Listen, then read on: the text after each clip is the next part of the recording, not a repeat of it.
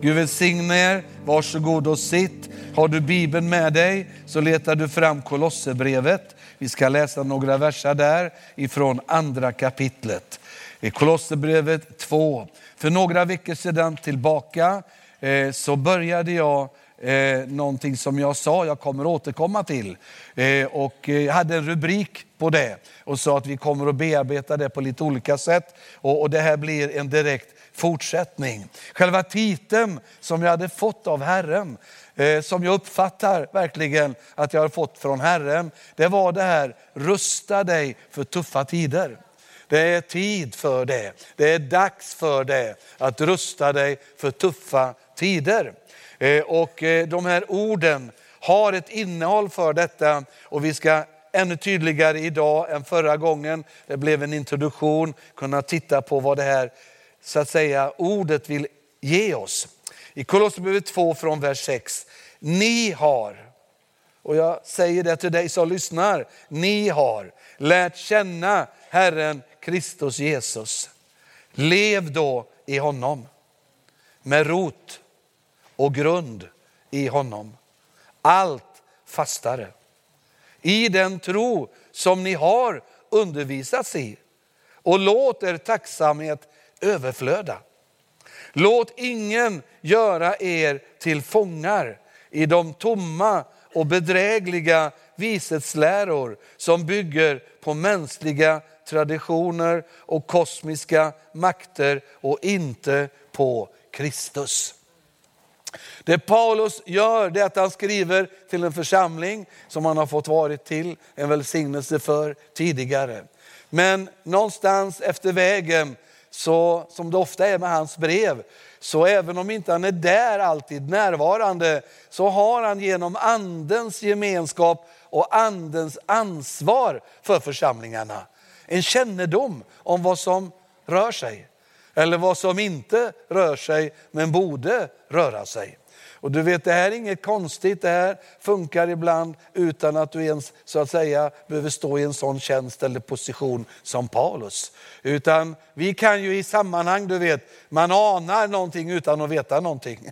Man möter människor, eh, man, man lever med människor och man anar Eh, ibland att det är någonting roligt och ibland att det är något mindre roligt. Men ingenting egentligen har gett signaler om det, men du känner av det. Du känner av det. Eh, och, och, på samma sätt ligger det också i en andens dimension. Eh, att rusta sig, det betyder egentligen att förbereda sig. Det är att vara förberedd. Eh, jag måste tyvärr, alltså, förstå mig rätt, eh, jag är lite förvånad över att så många är förvånade just nu med tanke på Putin. Jag är förvånad att så många är så förvånade. Det finns ändå en, en, en, en, så att säga, det är det som är så underbart med Guds ord.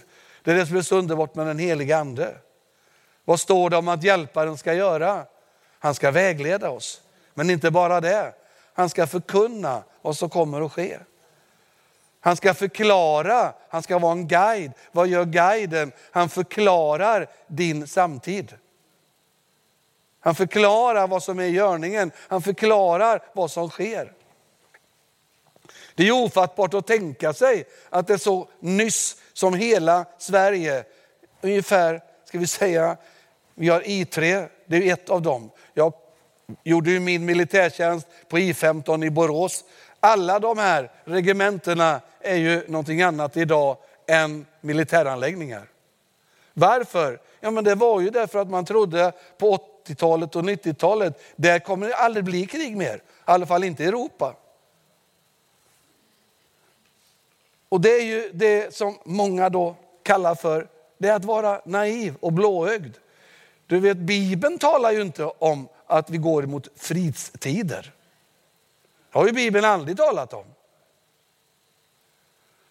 Och därför så är det så att säga en tid som behöver komma av nykterhet. Det är en tid som behöver komma där vi på något sätt får komma ut ur vissa bubblor. För vi, vi är experter på att leva och landa i olika bubblor. Det kan vara allt ifrån den lilla kärnfamiljen till olika sammanhang. Vi lever bara med det och det är bara det som så har vår uppmärksamhet och det är bara det som har vår överlåtelse. Och det som är utanför kanske man inte ens har en aning om, fast det pågår. Vad, vad Gud vill göra idag, det är ju att han behöver alltid medarbetare. Gud behöver det, hans främsta medarbetare i vår tid, det är Guds församling. Jesus, han dog för våra synder, men han uppstod ifrån de döda för att vi skulle få ett nytt liv. Men inte bara det, för att hans församling skulle kunna byggas in i tiden. Han dog för att församlingen skulle kunna bli en verklighet. Han uppstod för att ge den uppståndelseliv, för det skulle bli hans redskap i den yttersta tiden. För att den skulle mitt i allt som händer kunna vara ett redskap som skulle kunna betjäna Guds planer även i svåra tider. Därför att Gud verkar inte bara i goda tider, han verkar i alla tider. Därför så står det att han leder oss till goda platser, men han är med oss också i svåra tider. Det står att han för oss till vatten, han för oss till ängar, men det står också att han följer oss, han är med oss, han leder oss i dödsskuggans dal. Så Gud är inte beroende i sitt arbete, han är inte beroende av yttre omständigheter. Han är med oss, han är trofast sitt ord, han är trofast alla som vågar anförtro sina liv åt hans ord. Och här så, så var det, det, det är ju märkligt, alltså det här var ju innan det riktiga liksom, tillslaget skedde nu utifrån Ukraina. Men jag, jag, kände verkligen samma signal i mitt hjärta som jag gjorde för två år sedan vid den tiden. När Gud talade om, jag kommer att använda så att säga coronatiden. Jag kommer att använda den tiden som en besiktningstid. För att säkerställa att ni ska kunna möta obekväma tider. Och så kom det lika klart igen. Det är tid för att rusta sig för tuffa tider. Det, det är det vi har som kommer emot oss, oavsett om vi gillar det eller inte. Det kommer tuffa tider. Och egentligen så nämnde jag ju förra söndagen, jag talade om detta också då, att, att tuffa tider ger ju Bibeln ett innehåll från framförallt tre perspektiv som, som berör dig och mig. Och det ena det är ju det personliga. Det som är så där konkret kommer in i mitt tillvaro. Och då använder jag det bibelordet som en bild för detta och det är Matteus 7 när Jesus talar om husbygget. Han talar om två olika typer av husbyggen. Ett som bygger på klippan, en som bygger på den lösa sanden. Och han säger att det här är bilder nu som beskriver vad då? Människors livsval i livet. Människors livsbyggen. Och då vet vi att även om de såg likartade ut så var de väldigt olika. I det yttre var inget som var så större skillnad på. Vad var det som visade olikheten? Tuffa tider. Det var tuffa tider som visade olikheten. Fram till tuffa tider kom så var de exakt likadana. När de tuffa tiderna kom, när stormar kom, när regnet kom, när flödena kom, då stod det att huset som var byggt på sand, det rasade ihop. Det tog sig inte igenom. Medan det som var byggt på klippan, det stod i allt elände, men det kom igenom. Det stod kvar. Va? Det, det var så att säga intakt. Va? Sen har du de andra bibelorden, Matteus 24, som jag också talar om. När lärjungarna frågar Jesus, vad kommer att känneteckna den yttersta tiden? Vad kommer att känneteckna, vad är det som kommer att vara så där synligt och tydligt i den passage som Bibeln beskriver som den yttersta tiden. Den tiden som är före Jesu tillkommelse. Vad kommer att prägla den tiden? Och då räknar han upp en mängd olika svåra situationer. Det är miljökatastrofer, det är politiska katastrofer, det är våld, det är elände. Och när han har räknat upp alla de där sakerna så säger han de här märkliga orden. Detta måste hända. Alltså finns det ingen så att säga möjlighet att gå förbi det. Utan det måste hända. Det måste komma. Det finns saker man kan så att säga gå förbi, men det finns vissa saker man inte kan gå förbi. Och det innebär att svåra tider i den yttersta tiden går aldrig att runda. Sen kan man ju naturligtvis, beroende på var man finns, jag menar en väldig skillnad på hur vi lever idag mot vad de gör i Ukraina idag. Vi lever i samma tid. Men ändå en väldig skillnad. Det är en väldig skillnad bara emellan gränsen mellan Ukraina och Polen. Det är en väldig skillnad. Men det är samma tid. Ingen vet hur det ser ut i Polen om en månad. Du vet, ingen vet vad som händer i Sverige heller. Därför att Putin har ju hotat Sverige också. Om ni nalkas NATO kommer ni att få en vedergällning. Så du vet, det är väldigt mycket och det, det är ju märkligt att profana människor talar om en ny tidsålder, en ny tidsordning. Att det är egentligen där som så att säga kärnan ligger i det som nu vi ser exploderar i Ukraina. Men i det finns någonting mycket, mycket mer. Jag menar vi som andens folk borde kunna play, playa, så att säga, pejla in det där mycket, mycket tidigare och snabbare. Va? Sen har vi ytterligare ett område och det är ju det Paulus pratar om i andra Timoteusbrevet. Det tredje kapitlet. Då säger han den sista tiden kommer att bli svår. Han säger det rakt av. Den sista tiden kommer att bli svår. Och varför kunde han säga det? Han kände ju Jesus. Han umgicks med Jesus och han hade levt med ordet. Så det allt annat är utopiskt. Så du vet, vår kallelse, förstå mig rätt nu, är inte i första hand att be bort det som inte flyttar på sig. Utan det är att be fram det som tar oss igenom. Som tar oss igenom. Och vad är det som framförallt Timoteus lyfter, förlåt, Paulus lyfter fram i Timotebrevet, Det är ju tre saker. Och det är ju framförallt det som pågår och kommer att pågå och möta Guds församling. Han kommer att säga att i församlingen kommer vi få möta mycket, mycket mer av det vi aldrig trodde vi skulle få möta, själviskheten. Människor kommer bara att bli själviska. Kommer inte att leva för den andra, utan för sig själv. Det är det första som han säger. Det gör tiden svår. va? Det andra han tar upp det är att det kommer att vara ett glapp emellan det jag känner till och det jag lever med. Det kommer inte att finnas täckning för den tro. Han skriver till och med så, deras tro kommer inte hålla måttet. Och vad är det? Det är att man bär en mask. Man har en framtoning att representera någonting, att leva med någonting som inte det saknar täckning. Det har inte ett innehåll som är det som det ser ut att vara. Det är ju huset på lösan sand. Det såg också ut att hålla. Tills dess vad då? Det tuffa kom. Prövningen kom. Och det tredje han tar upp där, det är ju det att det kommer alltid att bli en starkare attack på ledarskap i den här tiden. Det kommer inte vara att man ber, utan man istället kritiserar ledarskap. Ifrågasätter ledarskap istället för att omfamna dem i bön. Stå med dem i bön i den sårbarhet och utsatthet som ledare kommer att ha.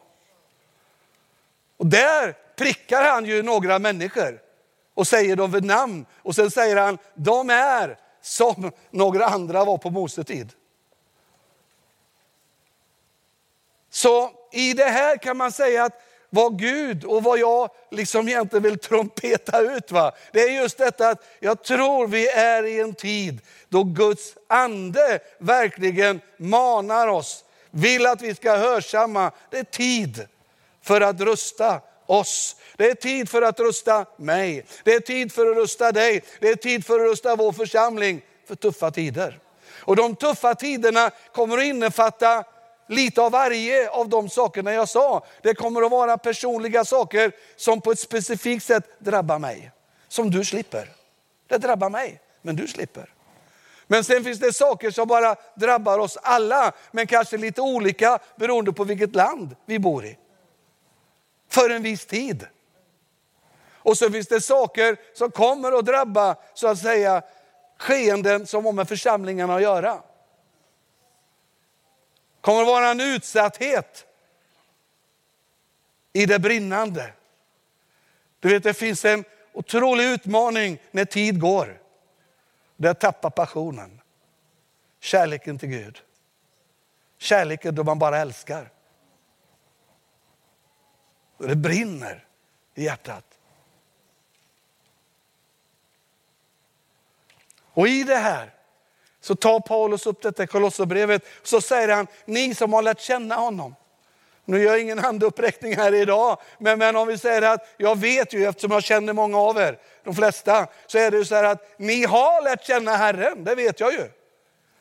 Ja men det är till dig då som utmaningen är och absolut i allra högsta grad till mig själv. Då säger Paulus, stanna inte vid att du fått möta någon. Stanna inte att du har fått lära känna någon. Du måste ha den utgångspunkten och förankra dig. Han säger, lev då i honom. Tänk, tänk att det finns redan där ett märkligt ifrågasättande. Han skriver in i församlingen och säger, ni har lärt känna honom, men, nu står det inte så, men det är egentligen det han säger. Varför lever ni då inte i honom? Om ni nu har lärt känna honom, varför lever ni inte i honom? Det finns ett glapp. Det är det han säger. Och så säger han att det är inte bara att börja leva i honom, utan det finns någonting av en fördjupning där med. Va? Det, det, det måste slå rötter. Du måste få rötter med rot. Du måste få grund. Grunden. Vad sa Jesus i Matteus 7 om grunden? Den som hör och gör är den som bygger. För att om inte detta får ske, det är ju det Paulus säger här. Om inte detta nu får ske, att vi börjar leva i honom, att vi slår våra rötter, att vi får grunden i honom allt fastare. I den tro ni undervisas i. Så det innebär att undervisningen har nått oss. Men av någon skillnad, alltså av någon märklig orsak, så säger han ju här till församlingen i Kolosse, ni har, ni har lärt känna honom, ni har undervisats i tron. Men jag saknar rötterna. Jag saknar grunden. Jag saknar livet. Och det här tror jag vi behöver bli mer medvetna om trons livs verkligheter. Därför att han säger så här att om inte vi gör detta, vad kommer att kunna bli konsekvensen? Ja men det är att vi blir bedragna. Vi blir bedragna. Vad då? Av allmänmänskliga uppfattningar om trons liv. Och där i kosmiska makter, det är ju andemakter, finns också hela vägen bort till det hörnet. Så det jag skulle vilja idag, och sen blir det alltid som det blir någon gång mer, men, men det är två saker som jag ser att vi behöver rusta oss i. Förbereda oss på. Och det är att förankra oss och skaffa rötter i frälsningens grund och i frälsningens olika perspektiv. Det, det, det här är bland de mest, vad jag vågar säga från mitt håll, de mest grundläggande men också de mest, ska vi säga, om ja, en brist på de här sakerna. Och, och, nu får vi se, jag är ju inte den som brukar använda bilder och grejer, men jag har, jag har inga bilder, men det är det rutor med text på. Det är liksom första steget. Frälsningens grund. Jag var inne på detta lite förra gången också, men jag ville sätta det så här för att du ska se. Därför att vi, vi, vi har varit många gånger så vårdslösa när vi pratar om att vara frälst. Är du frälst? Jajamensan. Och vad har vi för täckning av det då? Jo, vi har några upplevelser. Och sen i samtal kan man börja se att det finns en osäkerhet på vad som ligger i frälsningens grund. Därför att det finns nyckelord som jag vill att du ska bära med dig. Det är jätteliten text här och var dålig färg också, men det står försoning. Kan ni se det? Jaha. Försoning, det är frälsningens grund. Förlåtelse är frälsningens grund. Den nya födelsen är frälsningens grund. Upprättelsen. Och nu vill jag att du ska förstå. Dessa fyra ord är inte så att säga fyra ord på det sättet som bara står men, men, men så att säga ja, fyra olika ord för samma sak. Utan det här, varje sånt ord har ett innehåll och alla de här orden tillsammans ligger i frälsningens grund. Och jag vill att du ska se, jag ska ta det kort för jag berörde det senast också. Men du vet försoning, det är någonting Gud har gjort. Det står att Gud försonade världen med sig själv i det att han gav oss Jesus. Så försoning är någonting som redan finns som ett fundament och han bevisar sin kärlek till oss. I det att Jesus dog för oss, när då? När vi var hans fiender. Och hur kan jag säga att det är en brist här? I människors liv? Ja, det är när hela tiden din utgångspunkt leder till att om du gör något som är galet så blir Gud sned på dig.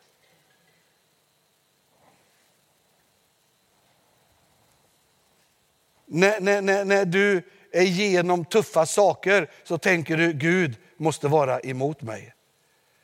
Gud är aldrig emot dig. Han är aldrig emot dig. Han är aldrig emot dig. Alltså du måste förstå att ordet försoning betyder att han är alltid för dig. Vem du än är, vad du än gör, han är för dig. Han är för dig. Han har bevisat det. Så tror du att Jesus dog på ett kors, tror du att han uppstod från de döda, då har du alla bevis du behöver för att Gud alltid älskar dig kommer aldrig göra något annat än att älska dig. Han älskar dig hela tiden. Du har alla skäl i världen för att kunna vara trygg i att han alltid är för dig. Att han alltid älskar dig. Och det är faktiskt oberoende vad du gör av ditt liv och vad du gör av den sanningen. Den är bara sann. Den är bara sann. Och du vet, det är ju det här många gånger som inte ligger som en grund i människors kristna liv. Jag menar merparten av själavård går tillbaka till den punkten. Men den ska ligga i grunden. Den ska bära oss. Den ska hålla. Förlåtelse, den kommer, och det här är viktigt, till dig och mig när vi tar emot den. Han försonade världen, därför kan han förlåta. Han försonade världen, därför kan han förlåta. Vem kan han förlåta? Den som vill ta emot förlåtelsen. Alla blev försonade, men alla på det sättet blev ju inte förlåtna. För det är något jag tar emot. Och därför så är förlåtelsen, jag menar försoningen är ett fundament. Det är ingen som kan rubba den sanningen. Förlåtelsen kan komma och gå. Det är ju mer än färskvara. Det är därför vi kan se som gudsmän, som är hjältar för Gud, David. En man efter Guds hjärta. Han brann för Guds sak, tjänade Gud. Vad hamnade han i? Elände. Vad behövde han? Förlåtelse. När fick han förlåtelse? På samma sätt som du har fått förlåtelse. När vi ber om den och tar emot den. Så även den försonade kommer att behöva förlåtelse. Och förlåtelsen tar vi emot när vi ber om den. Därför det står som det står. Om vi vandrar i ljuset, som han är i ljuset. Om vi bekänner våra synder, då är han trofast, då är han rättfärdig så att han förlåter oss våra synder och renar oss ifrån all orättfärdighet. Men du vet förlåtelsen, den måste tas emot. Och jag kan inte ta emot något som inte jag söker och ber om. Den nya födelsen, var kommer den utifrån? Försoningen och förlåtelsen. Du vet, det är det som är så underbart med Guds gåva, frälsningen. Det är ju att den gav oss en helt ny utgångspunkt. En helt ny utgångspunkt. Och det var inte det att vi slutade så att säga gå dit vi gick förr och så går vi till kyrkan. Utan det sker ett mirakel på insidan av mitt liv. Jag blir en ny skapelse säger Bibeln. Jag blir en ny skapelse. Det gamla är förgånget, något nytt har kommit. Det beskriver ju inte fullt ut det vi ser i våra liv, vad som sker. Men det ger dig och mig en helt ny position. För nu bor Jesus på insidan. man blir ju helvild varje gång man säger det. Det är ju det som är så underbart att få säga sådana här saker. Det är ju förmånen med predikan. Man får bara ropa ut de där sakerna som får igång allt här inne. Tänk att man är en ny skapelse och att Jesus bor på insidan. Åh, halleluja! Och du vet när han bor på insidan, vem bor han där som den uppståndne? Som den uppståndne. Och sedan upprättelsen. Den ligger i grunden. Det är Guds mål med försoningen och förlåtelsen och den nya skapelsen. Det är att allt som har gått fel i dig och mig kan bli upprättat. Allt som har gått fel i mitt liv, allt som har gått fel utifrån mitt liv har Gud förutsättningar på den här grunden att kunna göra helt. Att kunna göra nytt. Halleluja. Det här är grunden. Om vi då går vidare och tittar på nästa sak, församlingens perspektiv. Så vill jag säga så här, att nu kommer olika uttryck här. Som man kan i det första uppfatta som paradoxer, alltså motsägelsefulla saker. Men det är inte motsägelsefulla saker, utan det är två sidor av ett mynt. Så på ett sätt kommer jag presentera ett antal mynt för dig. Först ger jag den ena sidan, så vänder vi på den, så får du den andra sidan.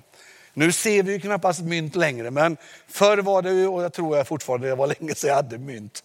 Men om du tänker en krona som man sa. Va? På ena sidan så var det ju våran kungs ansikte och på andra sidan var det ju en krona. Båda de sakerna var ju inte samma sak. Men det var en sida av en och samma sak. Och Det är det jag vill att du ska förstå, för att här går så mycket liksom lite snett. Om vi tar så här, väl, det var smått text jag skrivit. Det såg så bra ut i min dator. Kom till Jesus! Det är väl härligt? För att följa honom.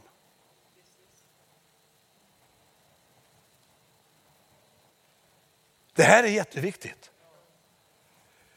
Därför att varje gång jag kommer att säga något så kommer det andra att visa på frukten av det första. Men också att det andra kommer bli avgörande om det första kommer att vara något som håller. Det är därför han sa det han sa i Matteus 7. Den som hör och gör bygger. Men den som hör utan att göra, vad gör han? Bedrar sig själv. Så det blir precis samma sak här. Kom till tro. Halleluja. För att vandra i tro. Det är poängen. Poängen var inte att komma till tro. Målet det var att jag behövde komma till tro för att kunna leva och tro. Jag behövde komma till Jesus för att kunna följa honom. Kom som du är, säger vi. Ja, men det är sant. Kom som du är. För att bli det du är tänkt att vara.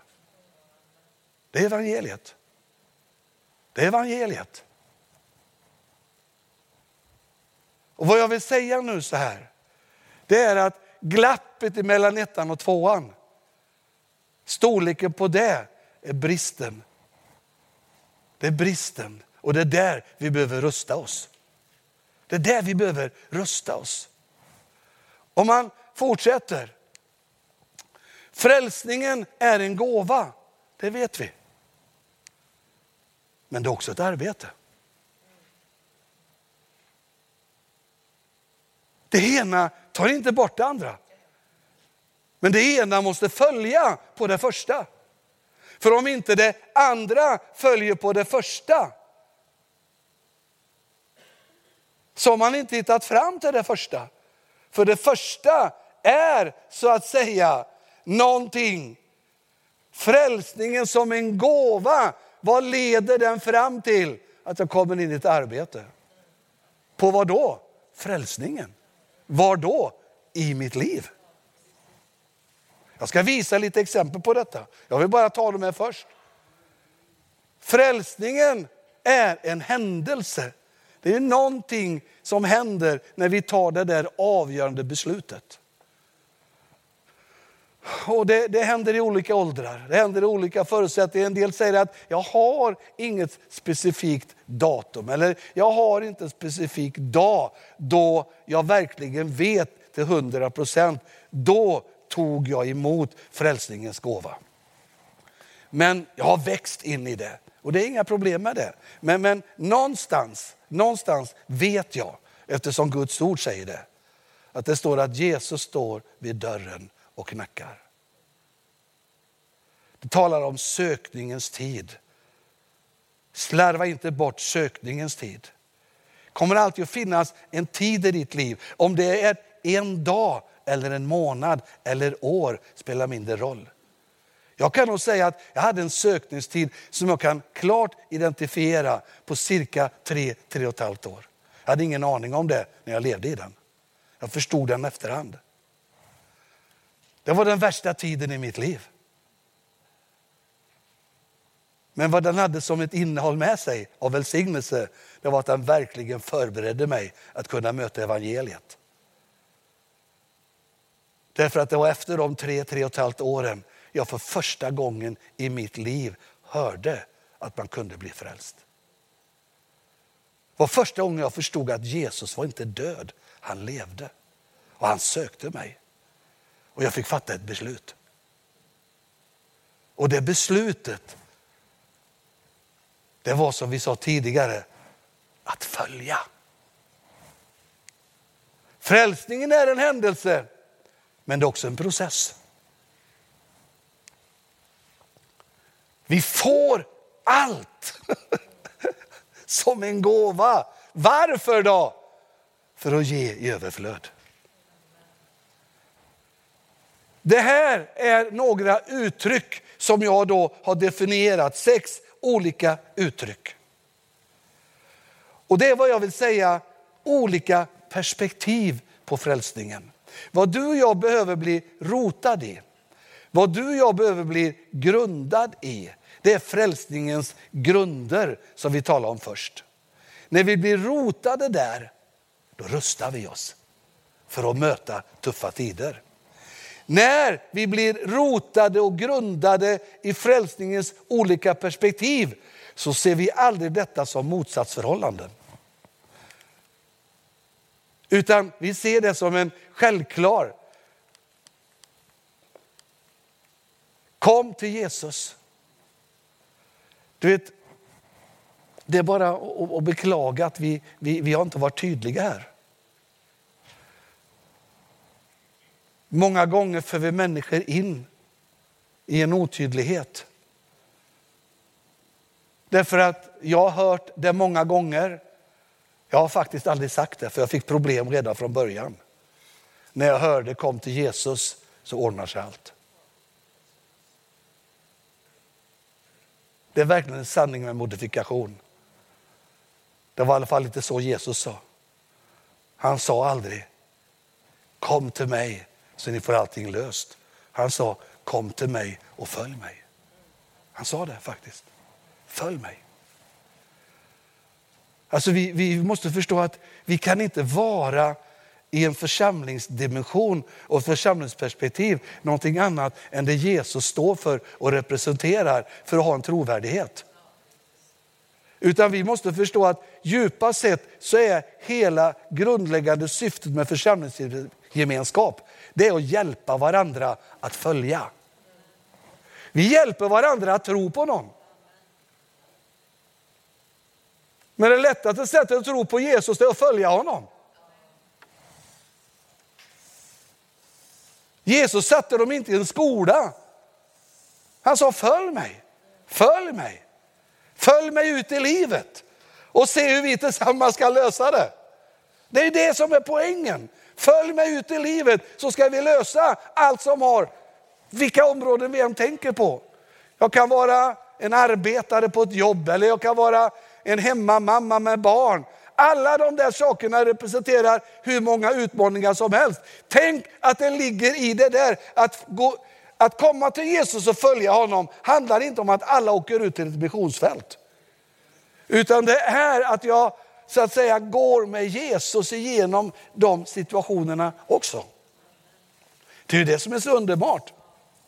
Du vet, det står ju, och det är ju ofta ett ord vi använder i Matteus, det elfte kapitlet. Jag ska inte ta alla de här sakerna, jag ska vara disciplinerad här idag och hålla tiden. Men jag vill ge dig några sådana här olika saker redan och så ska vi ta lite mer rejält sedan på de vissa sakerna. Men tänk det här ordet så ofta vi citerar det, 11 och 28. Då Jesus säger så här, kom till mig, alla ni som är tyngda av bördor jag ska skänka er vila. Ta på er mitt ok och lär av mig som har ett milt och ödmjukt hjärta. Så ska ni finna vila för er själ. Mitt ok är skonsamt och min börda är lätt. Tänk att vi, vi liksom riktigt har tappat bort andra delen. Han säger kom till mig så ska jag ge er vila. Men var är det vilan kommer? Under oket.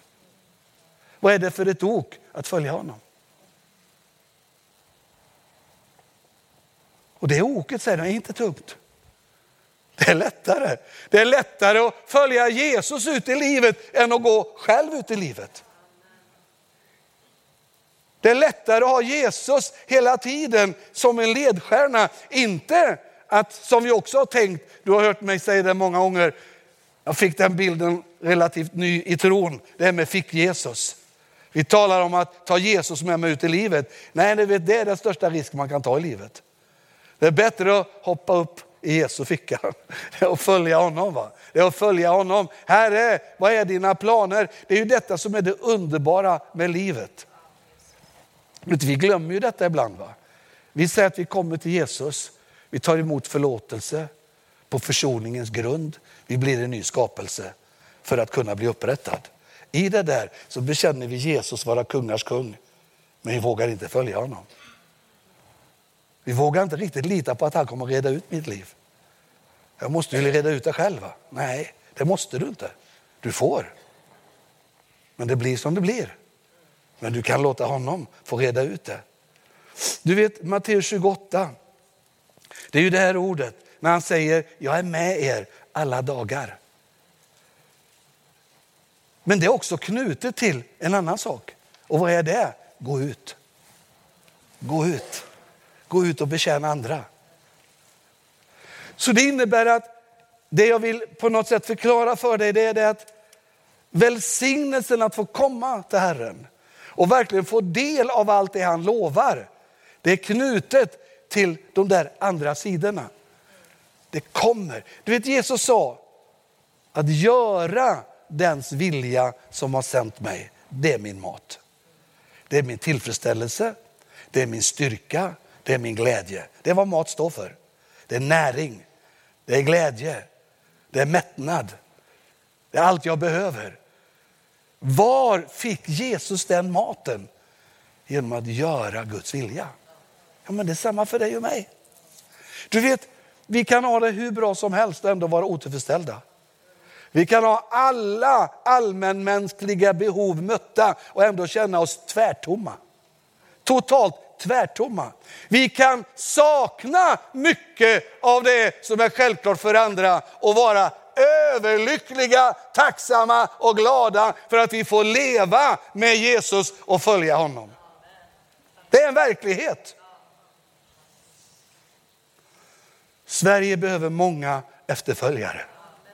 Vi har många på Jesus troende, men inte lika många efterföljare. Du vet Paulus säger i Romarbrevet att vi ska komma till tro för att vandra i tro. Han säger i Romarbrevet, det första kapitlet, så säger han så här. Jag skäms inte för evangeliet. Det är en Guds kraft som räddar var och en som tror. Juden främst, men också greken. I evangeliet uppenbaras nämligen en rättfärdighet från Gud genom tro till tro. Som det står skrivet, den rättfärdige ska leva genom tron. Du vet, det är ett missförstånd att det är tröttsamt att tro. Att det är tröttsamt att leva i tron. Det är en kraft. Han säger ju det, det är en kraft. Det är, det är ju trons kraft som gör att man känner det meningsfyllt och möjligt att leva i det omöjliga. Man kan känna glädje. Halleluja! Jag menar, det finns inget i det yttre som talar om att det kommer att gå bra. Men där inne så är det en kör som ropar, det är seger på gång. va? Det är seger på gång, det är genombrott på gång. Vad är det som ropar? Tron. För tron talar, står det i brevbrevet. Tron talar. Du och jag kan tala. Finns något mer som kan tala? Otron. Det går aldrig. Det kommer aldrig att gå. Tänk att du kan höra det inom dig utan en människa säger det. Vad är det? Otron. Men tron kan tala. Du vet, vakna upp och tänka att det här går åt skogen. Så ropar det på insidan, nej, nej, nej, nej, nej, nej. Han som är i dig är större än han som är i världen. Halleluja. Trons liv är inte en idé. Det är en verklighet. Tron talar. Tack Jesus. För att den kan tala, tala igenom tvivel. Du vet, tänk när Jesus var med lärjungarna i båten där ute på Genesarets sjö. Och Jesus hade somnat, han sov. Och de var fiskare de flesta av dem. De var vana vid sjön, de absolut flesta av dem. Och de tänkte vi tar aldrig igenom den här så att säga stormen. Och vad blir de då? Ja, de blir ju snea som vi ofta blir på Jesus då. Va? Fattar du inte att vi har problem liksom? Och han säger, varför tror ni inte? Varför är ni inte vägledda av tron? Och så tog han i tur med vågor och vind. Så säger han, jag är lite ledsen på er för att ni inte tror. Man skulle kunna göra en traversering där och kunna säga att vad gör ni när inte jag är med i båten? Han sa ju sen, det är nyttigt att jag lämnar er, för då kommer den helige ande. Så har vi inte den helige ande med oss i vissa tider, då blir det ju kärvt. Va? Kom som du är för att bli det du är tänkt att vara. Jag tycker det är ett underbart ord. Jag tycker det är ett underbart ord. Du vet, jag ska sluta med det. Tänk att det står så i Romarbrevet, det tolfte kapitlet. Därför, från vers 1, därför ber jag er vid Guds barmhärtighet att frambära er själva som ett levande och heligt offer som behagar Gud. Det, det är vår kallelse. Det är ju det som är egentligen ett innehåll, ska vara ett innehåll i varje gudstjänst. Att jag kommer till gudstjänsten med detta i mitt hjärta. Gud, tack för att du älskar mig. Tack för att du har fött en kärlek i mitt hjärta. Det som var dött och kallt har du gjort levande och varmt. Men Herre, jag vill inte leva med den utgångspunkten bara. Jag vill ge mitt liv. Jag vill ge min kraft. Jag vill ge min tid. Jag vill ge det jag representerar av tillvaro. Det vill jag ge till dig som ett levande heligt offer. Gå med det dit du vill gå med det. Gör med det det du vill göra med det. Det är vara ett heligt offer. Det är att jag tillåter, gör anspråk på mig. Jag vill följa dig. Jag vill följa dig. Vart du än går och hur du än går så följer jag dig. Det är det som ligger i det här. Då säger han så här. Det ska vara er andliga gudstjänst. Det är själva beslutet. va? Det är ett beslut vi tar som vi behöver så att säga förstärka. Det är som vi brukar säga att det är inte nyttigt om jag då bara sa så att säga vid bröllopet att jag ska älska dig Hedvig. Det är bra om man under de här 365 dagarna varje år påminner sig själv och den andra om att jag faktiskt gör det. Underbart att påminna sig och påminna Herren om. Jag står kvar. Herre, det jag gav dig det löftet, det viker jag aldrig undan för. kommer aldrig släppa det, Herre. Du kom med din närvaro. Du bara klev in i mitt liv. Jag hade ingen aning om att du fanns ens. Du bara väckte upp. En sån medvetenhet om att du är livet, du är framtiden, du är hoppet, du är allting. Och att du gav mig en invit att följa dig. Jag kommer aldrig släppa det, Herre. Jag kommer aldrig släppa dig. Jag kommer aldrig släppa det. Det är underbart att få påminna sig om det när det oväntade, oönskade uppstår. Då kan man ju säga ungefär som man säger till Hedvig. Det är för väl att du är kvar. Det är för väl att du älskar fortfarande. Det är en förmån att få fortsätta älska dig. Vad som än händer. Jag menar, livet kan ju trasa sönder så många äktenskap. Men tänk att livet kan svetsas samman mer än någonting annat. Därför man inser, tillsammans tar vi det. Tillsammans tar vi oss igenom. Det är likadant med Jesus. Tillsammans.